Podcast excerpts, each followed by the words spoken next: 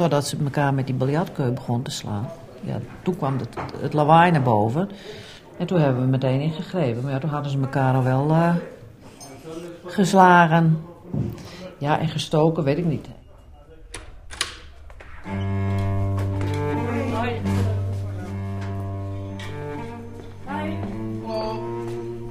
Dit voor Drenthe, Marjolein. Ik kom voor de vadervleugel. Je luistert naar Binnen de Muren, een podcast van RTV Drenthe over de penitentiaire inrichting Esserheem. Een gevangenis in het Drentse dorpje Veenhuizen. Mijn naam is Marjolein Knol en afgelopen jaar mocht ik af en toe meelopen in de gevangenis, omdat ik wil weten hoe het is om hier te leven. Bellen word ik opgehaald. Ja, hè? Dit is aflevering 5. Mannen onder elkaar.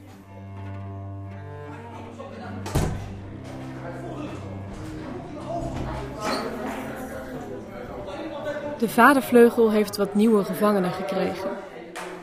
Deze mannen doen niet mee aan het speciale vaderprogramma, maar zitten wel op de afdeling.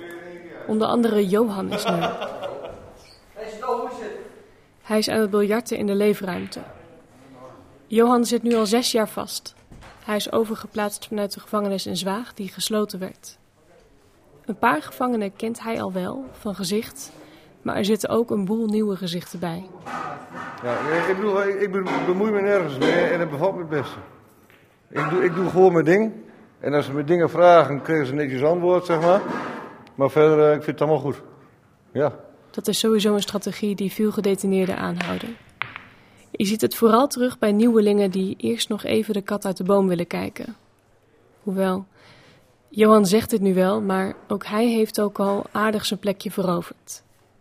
Wat hielp is dat er na hem nog een nieuwe gedetineerde bijkwam op de afdeling. Die man had het wat minder makkelijk. Die roept mezelf over zich af. Huh? Die, die, die pik je er zo uit. Zoals sommige bewaarders met hun ervaring precies kunnen zien waarvoor iemand vastzit, zo hebben gevangenen dat ook. Zo zegt Hans altijd precies te zien of iemand vastzit voor een zedendelict. Ik heb op de een of andere manier voelsprieten voor kindervrienden.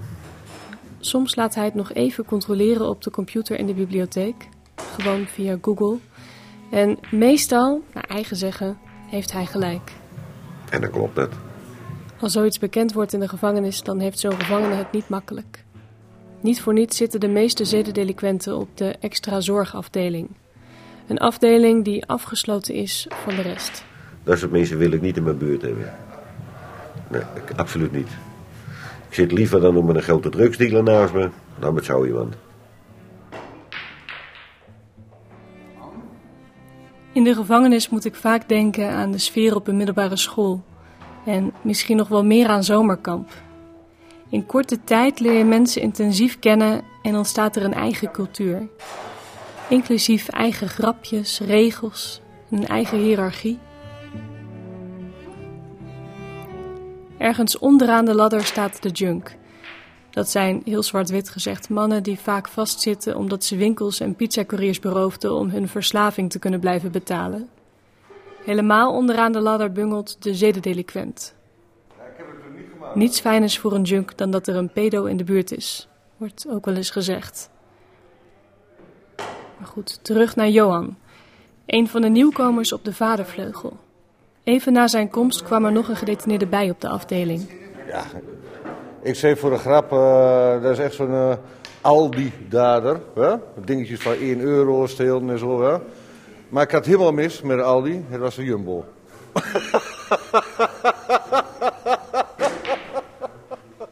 maar de rest had ik wel gelijk. De man werd wat geplaagd. Ja, nee, helemaal niet op afgesproken of zo. Dat, dat, dat gaat gewoon vanzelf een beetje lol maken. Nou, zal ik hem daar eens eens maken? Ah, trapt hij nooit in. En dan doe je het en hij trapt er al in. Och, ja, dat is natuurlijk wel heel stom. Ja. ja, kijk, en als hij daar intrapt, dan de andere... Oh, ik ga hem dat wees maken. Eerst begon het van, eh, we gingen naar het toe. Nou, dan gaat hij 's morgens met handdoekje klaarstaan eh in afwachting dat hij naar het zwembad toe ging. Nou, dat was dus helemaal geen zwembad.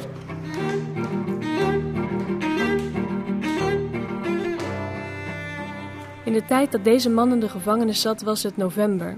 Dus het seizoen van Sinterklaas, vlak voor pakjesavond. De, de, de hele week mag je de schoen klaarzetten. En, eh, en dat, dat wij dat hier ook deden. En hij helemaal blij, de klaarzetten, in de hoop dat hij er waarin kreeg. En dus hebben wij er 's morgens van alles ingedonderd. Hebben we de muisjes ingegooid, we hebben een ziensel ingegooid, de melk. hij was helemaal blij. en eh, wat, wat was er nog meer? Oh ja, dat hij ons slaggeld kreeg. De man zat maar voor één week in de gevangenis. Ja, dat is ook maar goed ook, denk ik. Dus zeiden zijn medegedetineerden dat de man geld kreeg als hij vrij kwam. 45 euro 65 of zo. Wij moet een beetje echt klinken. Maar eh, dat geloofde hij. Ja, dus hij, hij met mijn hoge been naar, kantoor. Ja, ik kom even eh, een briefje halen voor, eh, voor mijn ontslaggeld. Ja, nou, de- iedereen ligt natuurlijk krom van lachen. Hier. Hey, hij, hij was er ook bij.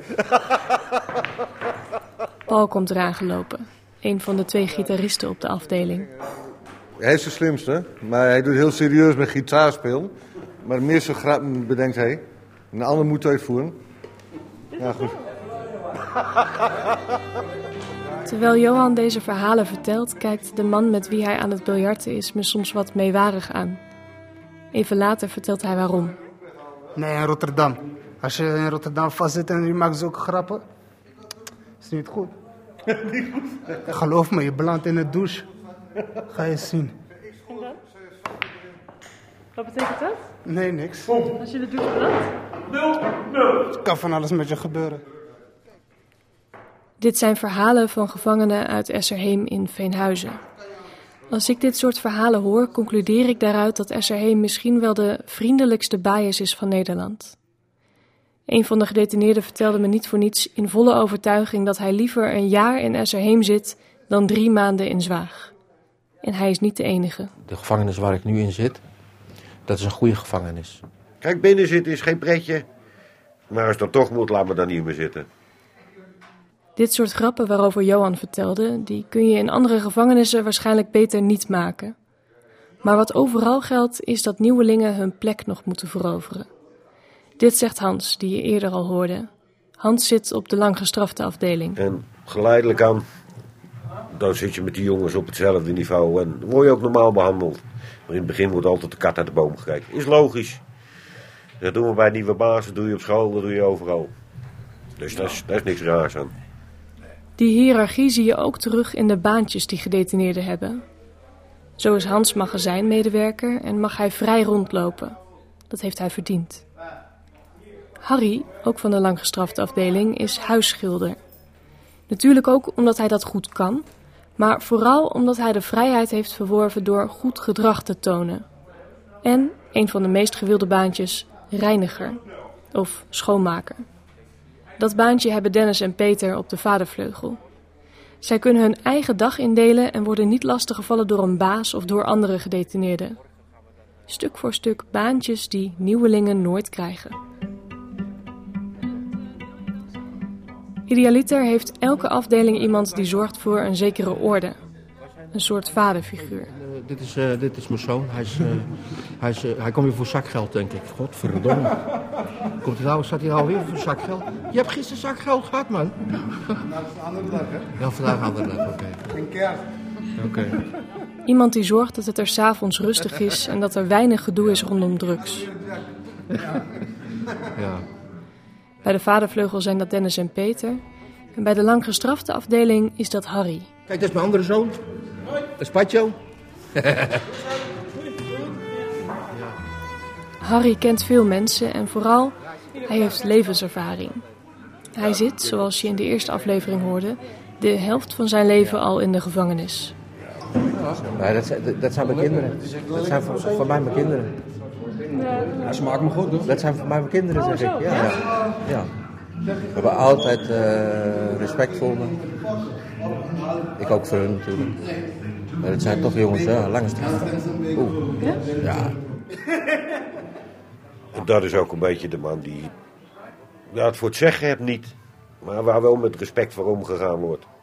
Verderop zit er dan een man die is al in de 70. En die wordt ook met respect behandeld. Je moet het enigszins wel verdienen. Het is niet van begin af aan als je binnenkomt van nou, Oh, die, eh, die zit voor dat of dat. Dat zegt Hans, die op dezelfde afdeling zit als Harry. Hij bedoelt, soms krijg je meer of minder status door het delict dat je pleegde. Zoals ik net vertelde over de junkies die ergens onderaan de ladder staan. Maar andersom is het niet zo dat als je iemand hebt gedood, je standaard bovenaan de ladder staat. Op die manier status krijgen werkt op deze afdeling ook niet, want bijna iedereen hier zit voor een zogeheten levensdelict. Hij behandelt andere mensen met respect. Gaat heel relaxed met iedereen om. Behandelt iedereen als gelijke. Ja, daar, daar kan je alleen maar respect voor opbrengen en waardering. En dan ook de leeftijd, levenservaring. Harry zorgt voor sommige jongens op de afdeling. Hij is al wat ouder dan veel van hen. En dat merk ik ook als ik met mijn microfoon rondloop op de langgestrafte afdeling.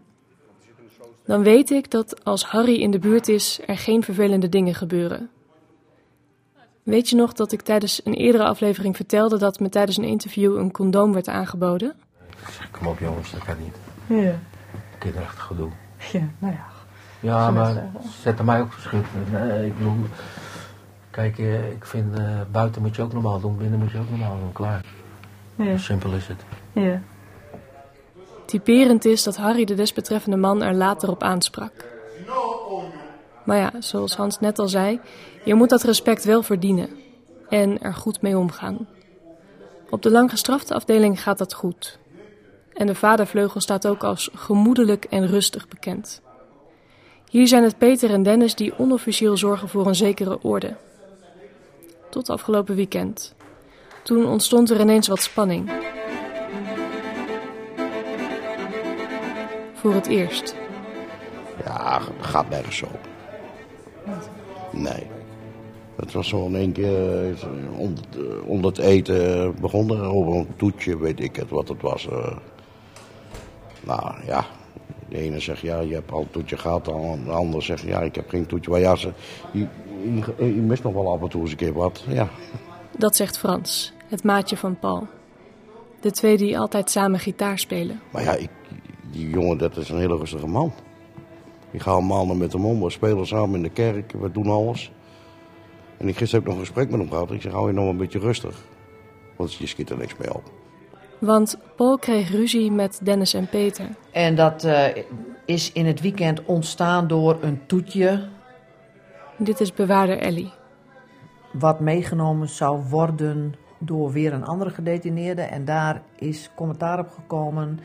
En dat is wat over en weer eh, een bekvechter geworden. En toen is een collega van mij, een vrouwelijke collega, is er al tussen gaan staan. Want toen zouden ze elkaar al te lijf. Nou ja, dat is op zich wel, wel, eh, verder wel goed afgelopen. Ze zijn eh, allemaal een kant uitgegaan. Maar ik kreeg gisteravond thuis nog een appje van eh, mijn collega van nou, houd hem rekening, morgen er is eh, spanning. En het is ook nog niet klaar.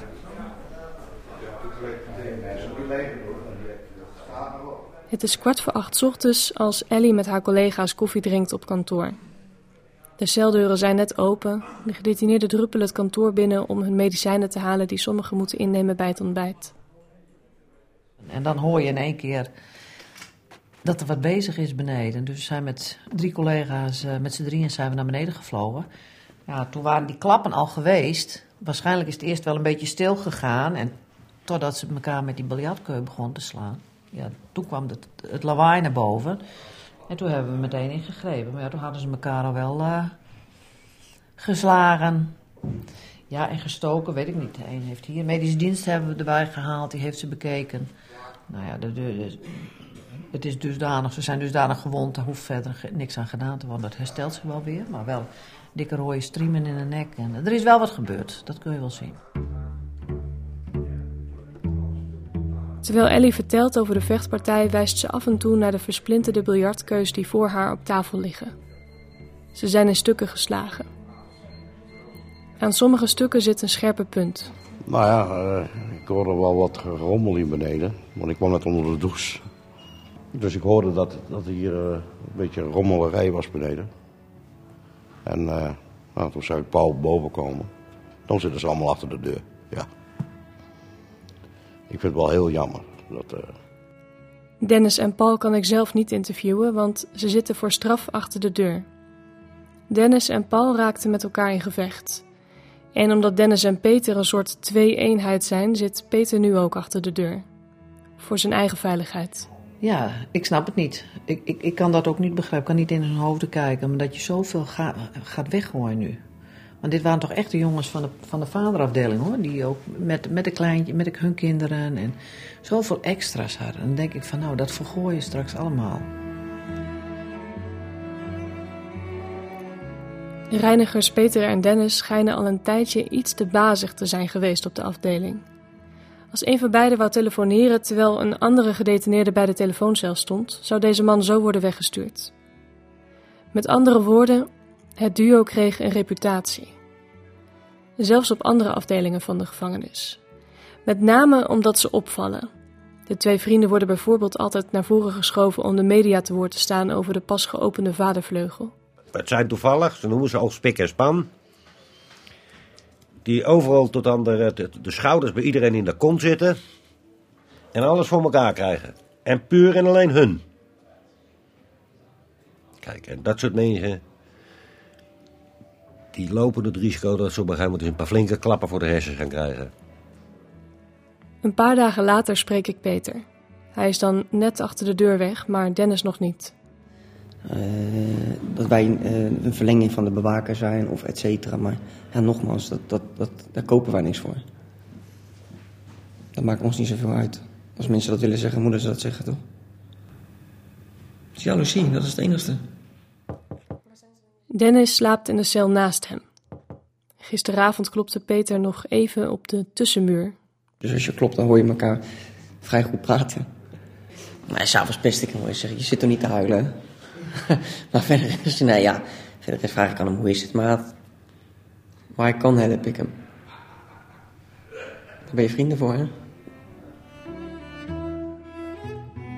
Dennis en Peter mogen op de afdeling blijven. Ze houden hun baantje als reiniger. Paul had minder geluk. Hij is overgeplaatst naar Norgerhaven. Zijn gitaar moet het personeel nog terugbrengen naar de bibliotheek. In de volgende aflevering van Binnen de Muren. Dus we hadden dinsdagavond recreatie gehad tot kwart voor acht. En om tien over acht was van uh, tok tok celcontrole. Ja, nou, nou is het gebeurd. Dan krijgt langgestrafte Hans het moeilijk. En vertelt Frans over zijn kleinkinderen. Kleinkinderen, dat is alles voor mij. Vooral mijn kleindochter. Dat is helemaal wat. En, die, en ja, ja, die praat als, nou ja, als een burgemeester. Twee jaar oud. Is niet te geloven, toch? Abonneer je via je podcast-app op Binnen de Muren om gelijk de volgende aflevering te kunnen luisteren. En vond je dit mooi? Laat dan een reactie achter. Al een paar luisteraars gingen je voor en daar zijn we heel blij mee, want dan kunnen meer mensen ons vinden en deze verhalen horen.